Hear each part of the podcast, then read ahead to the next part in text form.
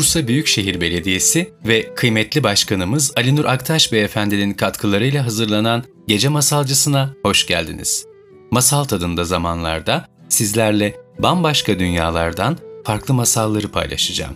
Ben Necmettin Tetik.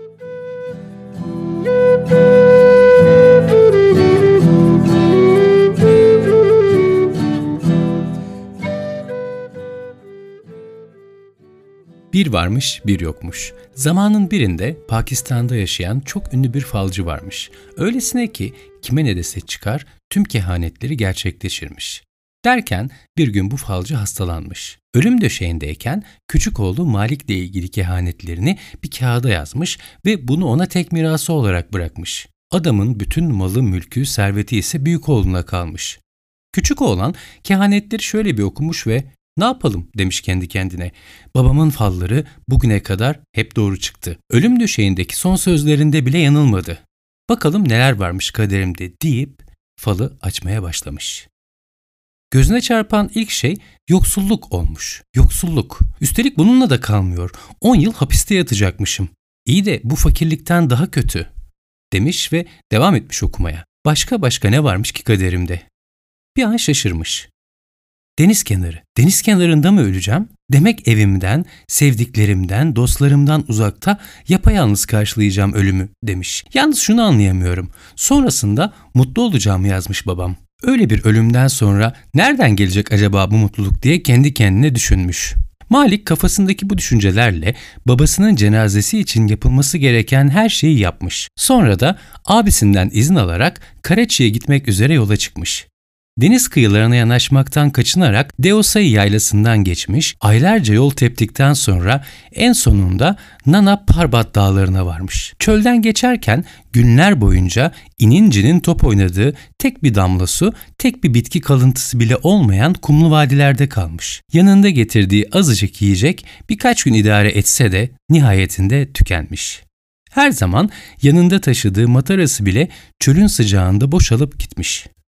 Ortalıkta ne yiyecek bir lokma ekmek ne de içecek bir damla su varmış. Çöl dört bir yana göz alabildiğince uzanıyor, Malik ise sonsuza dek oradan kurtulamayacakmış gibi hissediyormuş. Yine de kendi kendine babamın kehanetleri hayatta yanlış çıkmaz. Bir şekilde bu çölden kurtulacağım. Çünkü öleceğim yer bir deniz kenarı. Babasının kehanetlerine olan bu inancından güç alarak hızını kesmeden yürümeye, boğazını ıslatacak bir damla su aramaya devam etmiş sonunda başarmış. Allah karşısına yıkık dökük ufak bir kuyu çıkarmış. Malik içine biraz su doldurabileceğini düşünerek matarasını kuyuya indirmiş. Ancak daha kuyunun yarısına gelmeden matara durmuş. Kuyudan kurtar beni her kimsen. Kaplanların kralıyım ben. Üç gündür buradayım. Açlıktan öleceğim. Seni bana kader yolladı. Şimdi beni buradan çıkartırsan hayatım boyunca yemin ediyorum ki sana yardım ederim. Yaman bir avcı olduğuma bakma. Bana yardım edersen senin kılına bile dokunmam.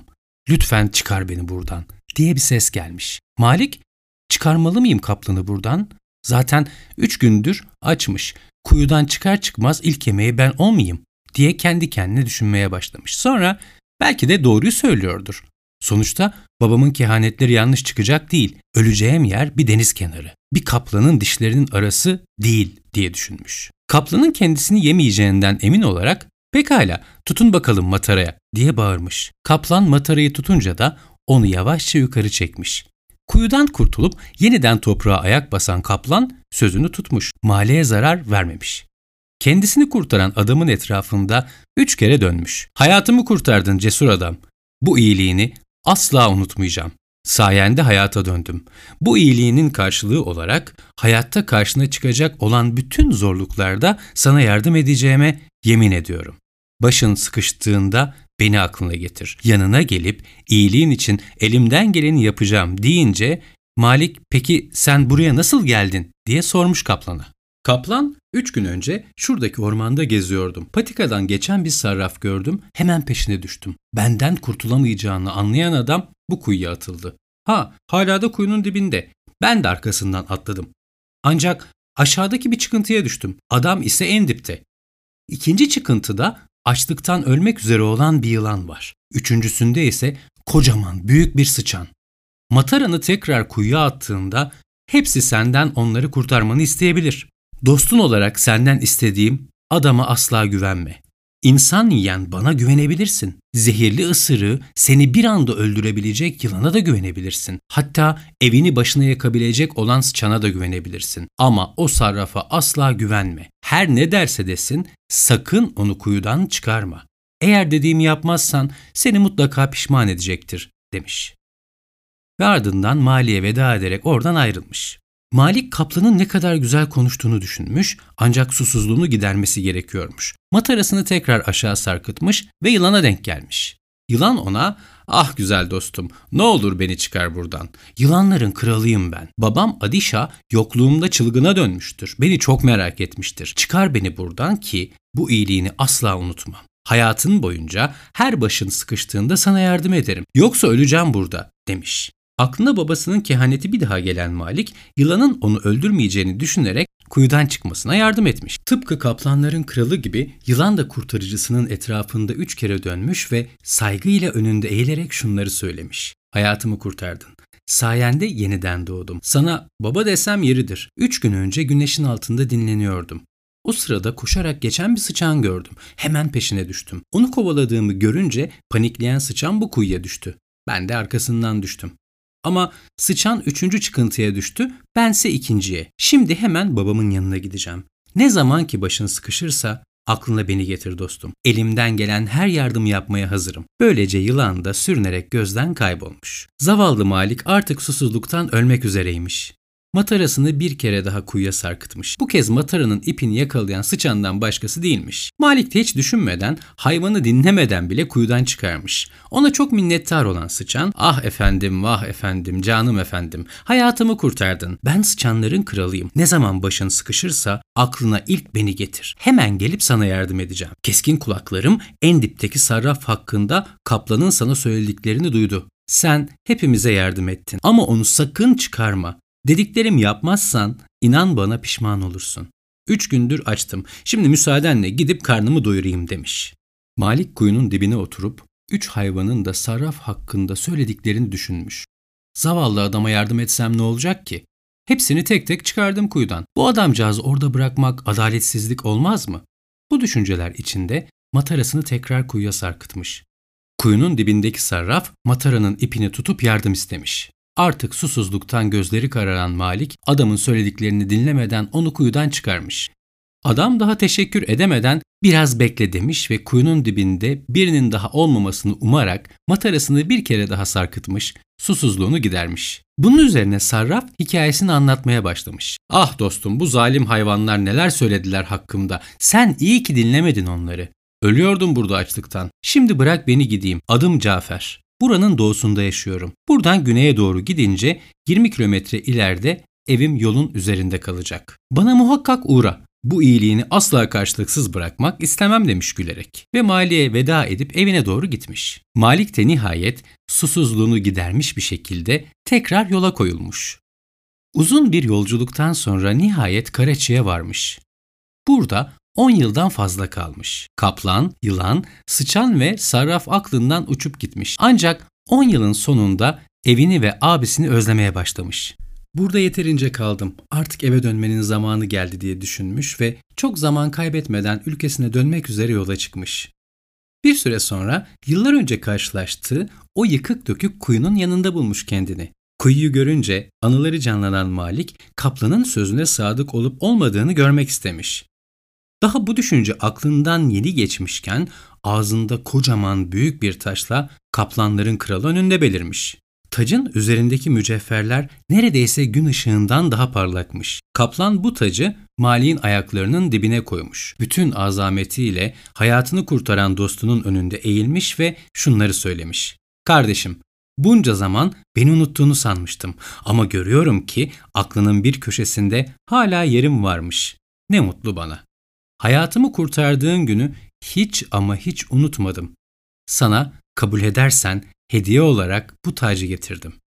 Malik taca tekrar tekrar bakmış, üzerindeki mücevherleri saymış. Bunları taçtan çıkartıp sattığında şüphesiz ülkesinin en zengin adamı olacağını düşünmüş. Kaplan'a yürekten teşekkür ederek oradan ayrılmış. Tam yola devam edecekken yılanların ve sıçanların kralı aklına gelmiş. Tam yola devam edecekken yılanların ve sıçanların kralını düşünmüş. Bunlar da o anda ellerinde türlü türlü hediyelerle Mali'nin yanında beliri vermişler. Halini hatırını sorduktan sonra onlar da uzaklaşıp gözden kaybolmuşlar. Malik Zalim sanılan bu hayvanların sadakatinden dolayı çok mutlu olmuş ve güneye doğru yoluna devam etmiş. Yolda kendi kendine düşünmüş. Bu vahşi denilen hayvanlar bile bu kadar sadık olduklarına göre kim bilir kuyunun dibinden çıkarttığım Cafer ne kadar sadıktır. Aslına bakarsan ondan istediğim bir şey de yok demiş kendi kendine. Ancak Yanımda bu taşla eve kadar gitmeye kalkarsam hem bana çok yük olur hem de yol üstünde bazı hırsızların dikkatini çekebilirim. Ben iyisi mi Cafer'e gideyim. Zaten kendisi onu gidip görmemi istemişti. Hem belki ondan tacı eritip mücevherleri çıkartmasını isteyebilirim.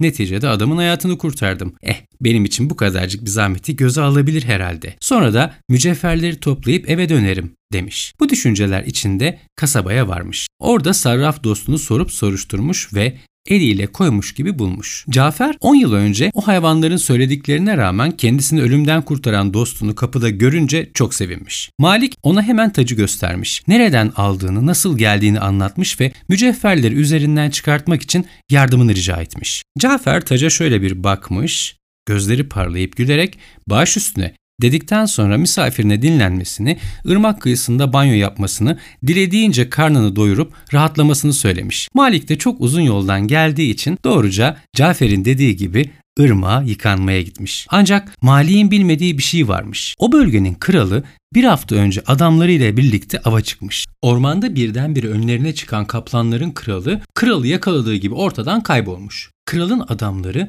prense babasının öldüğünü söylediklerinde prens gözyaşlarına boğulmuş ve babasının katilini kim bulursa krallığının yarısını ona vereceğini söylemiş. Malik tacı nereden bulduğunu söylediğinde Sarraf bu tacın krala ait olduğunu, kralı öldürenin de kaplan olduğunu anlamış. Böylece katilin Malik olduğunu söylemeye karar verip tacı kaftanın altına saklayarak sarayın yolunu tutmuş. Prensin huzuruna çıktığında babasını öldüren katili yakaladığını söyleyerek tacı prense vermiş. Prens tacı ellerine alıp incelemiş, babasına ait olduğunu anlayınca da krallığının yarısını oracıkta Cafer'e vermiş.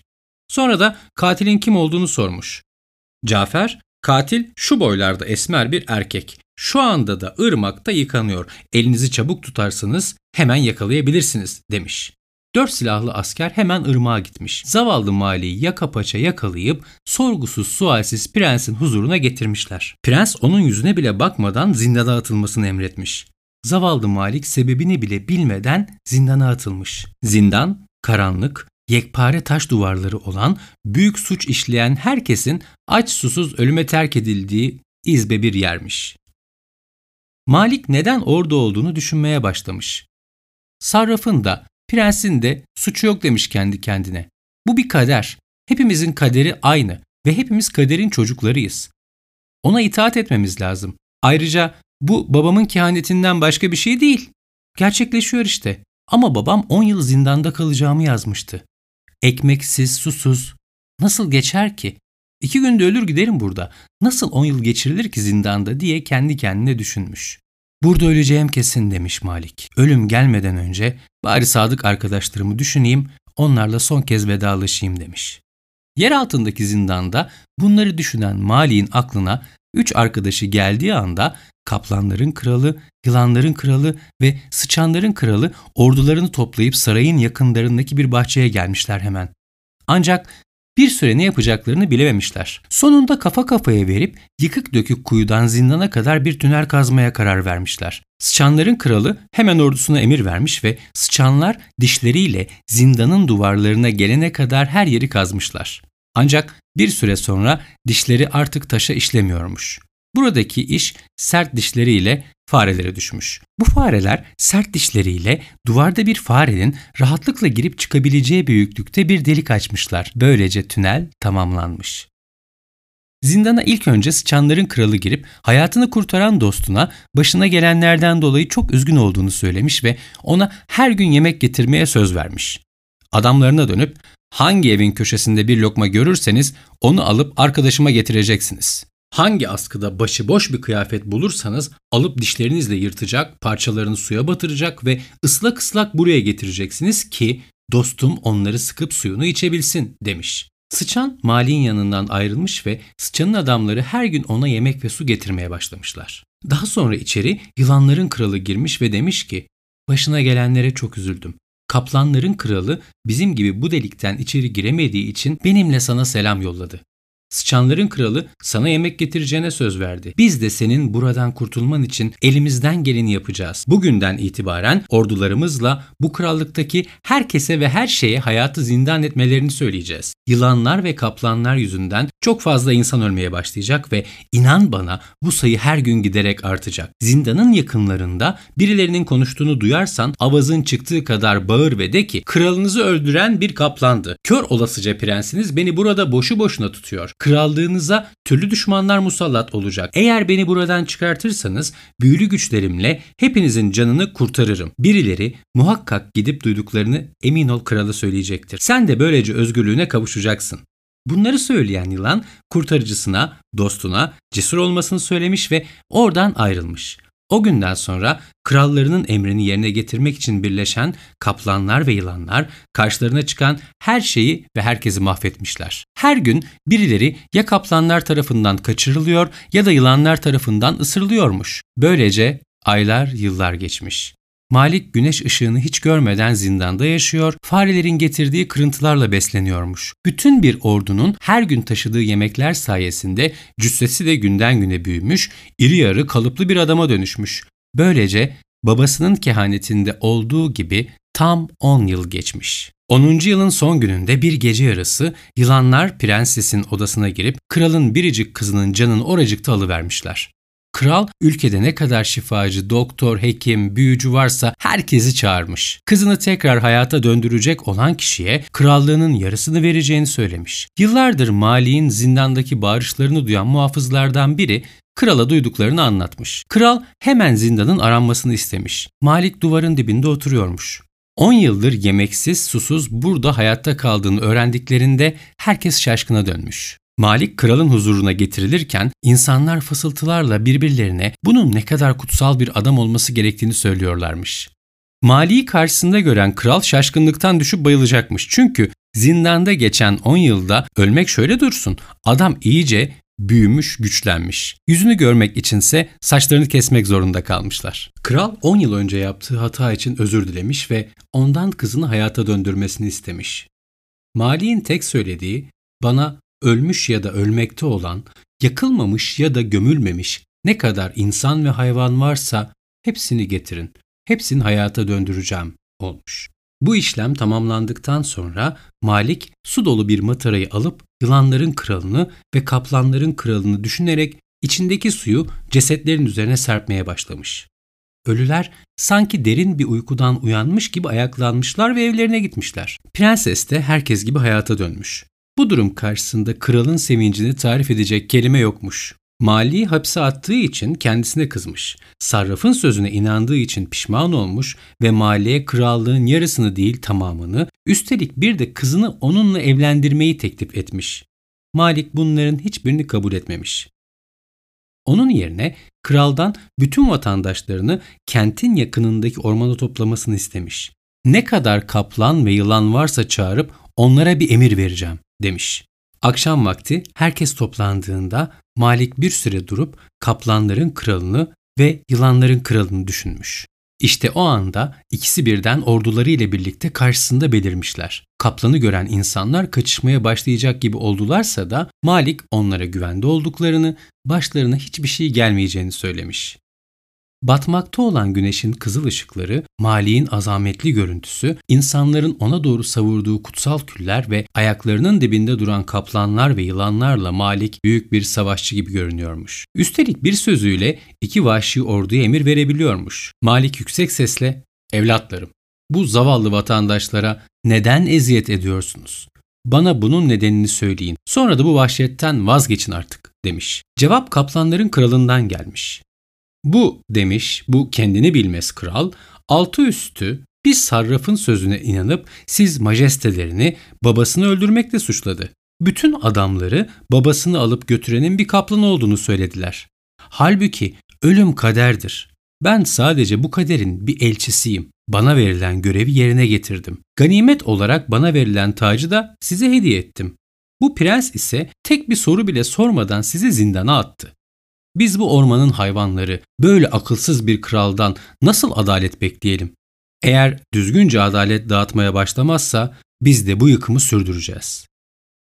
Söylenenleri duyan kral üstünü başını yırtarak ağlamaya başlamış. Sarraf'ın sözüne inandığı içinse pişman olduğunu söylemiş ve o günden sonra daha adil bir yönetici olacağına söz vermiş. Yılanların kralı ve kaplanların kralı da kral adaletli davrandığı sürece hiç kimseye zarar vermeyeceklerini söyleyip oradan ayrılmışlar. Canının tehlikede olduğunu anlayan Sarraf kaçmaya çalışsa da kralın askerleri tarafından kıskıvrak yakalanmış ama iyi kalpli Malik kralın onu affetmesini istemiş.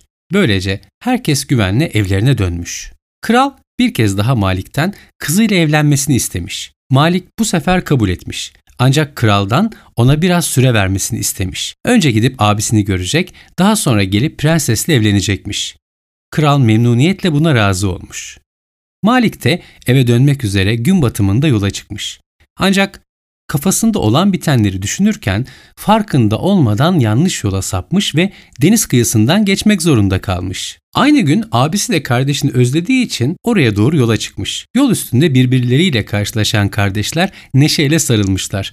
Ancak kalbi bu heyecanı kaldıramayan Malik oracıkta ölmüş. Abisi Mali'yi aynı anda hem bulmanın hem de kaybetmenin o tuhaf duygusu içinde ağlamaya başlamış. Yıllarca özlediği ve kavuşmak için beklediği kardeşini kollarının arasında tam bulmuşken kaybetmenin verdiği acıyla yıkılmış adeta. Gözyaşları içinde Allah'a yalvarmaya yakarmaya başlamış. Tam bu sırada Mali'nin kadim dostları olan krallar kaplan, sıçan ve yılan beliri vermişler. Abisi onları görünce korksa da onlar Mali'nin arkadaşları olduklarını, kardeşinin nasıl güzel yürekli bir insan olduğunu abisine anlatmışlar. Bunun üzerine hep birlikte Mali'nin başında ağlayarak dua etmeye devam etmişler. Bir süre sonra Malik sanki derin bir uykudan uyanırcasına gözlerini açmış. Yanı başında kadim dostları aslan, sıçan, yılan ve abisini görmenin mutluluğuyla kendine gelmiş. Sonra hep birlikte hem yolculuklarına devam etmişler hem de arkadaşlarıyla birlikte Malik başından geçenleri abisine bir bir anlatmış. Yaptığı iyilikler karşılıksız kalmayan, iyiliklerinin karşılığında hiçbir menfaat gütmeyen Malik ise hem bu güzel kalbinin ödülünü almış hem de prensesle evlenip ülkenin tahtına geçmiş. Yaşadığı süre boyunca adaletten, iyilikten ve merhametten vazgeçmeyen Malik çok ama çok iyi bir kral olmuş ve falcı olan babasının son kehaneti de gerçekleşmiş. Onlar ermiş muradına, biz çıkalım kerevetine. Kim ne derse desin iyilik ve kötülüğün bir iklimi, bir suyu var. İnsan yaşam içinde uzun süre kabalığa maruz kalmışsa veya iyi niyeti kötüye kullanılmışsa ruhumuzda kalan tortular bizi yalnızlığa itiyor. Hayatın acımasız akışı içinde gereksiz bir telaş, acele etme isteği başlıyor. Hem de hiçbir neden yokken insansızlaşma, kendi işini bir an önce halletme çabası ve hep bana anlayışı genelde hakim oluyor. Yaşadığımız dünyada kaybolan en önemli şey nedir diyecek olursanız hiç şüphesiz karşılıksız ve içten gelen iyiliklerim.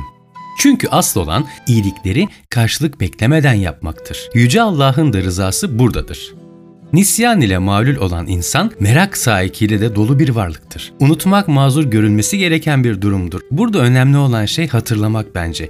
İçimizdeki o saf iyiliği, güzelliği hatırlamak ve unutmadan, çevremize de unutturmadan bunu yaymak erdemidir bize en çok yakışan. İşte bu yüzden her masalın sonunda dediğim gibi ne olur izin vermeyin içinizdeki güneşin batmasına. Çünkü en acı şiddetli kötülük sahiplerinin bile içinde merhamet adlı bir çınar ve kanadında sevda vardır. Umutla, merhametle, aşkla. Yazının, anlatılmamış hikayelerin, masalların ve müziğin sonsuz sihrine ve en çok da siz beni dinleyen o güzel yüreklere en derin sevgilerimle. Bursa Büyükşehir Belediyesi ve kıymetli başkanımız Ali Nur Aktaş Beyefendinin katkılarıyla hazırlanan Gece Masalcısı'nın bir sonraki bölümünde buluşana dek kendi hikayenizin kahramanı olun, kendi masalınızı yaşayın. Ve lütfen beni takip etmeyi, kanalıma abone olmayı unutmayın. Ben Necmettin Tetik.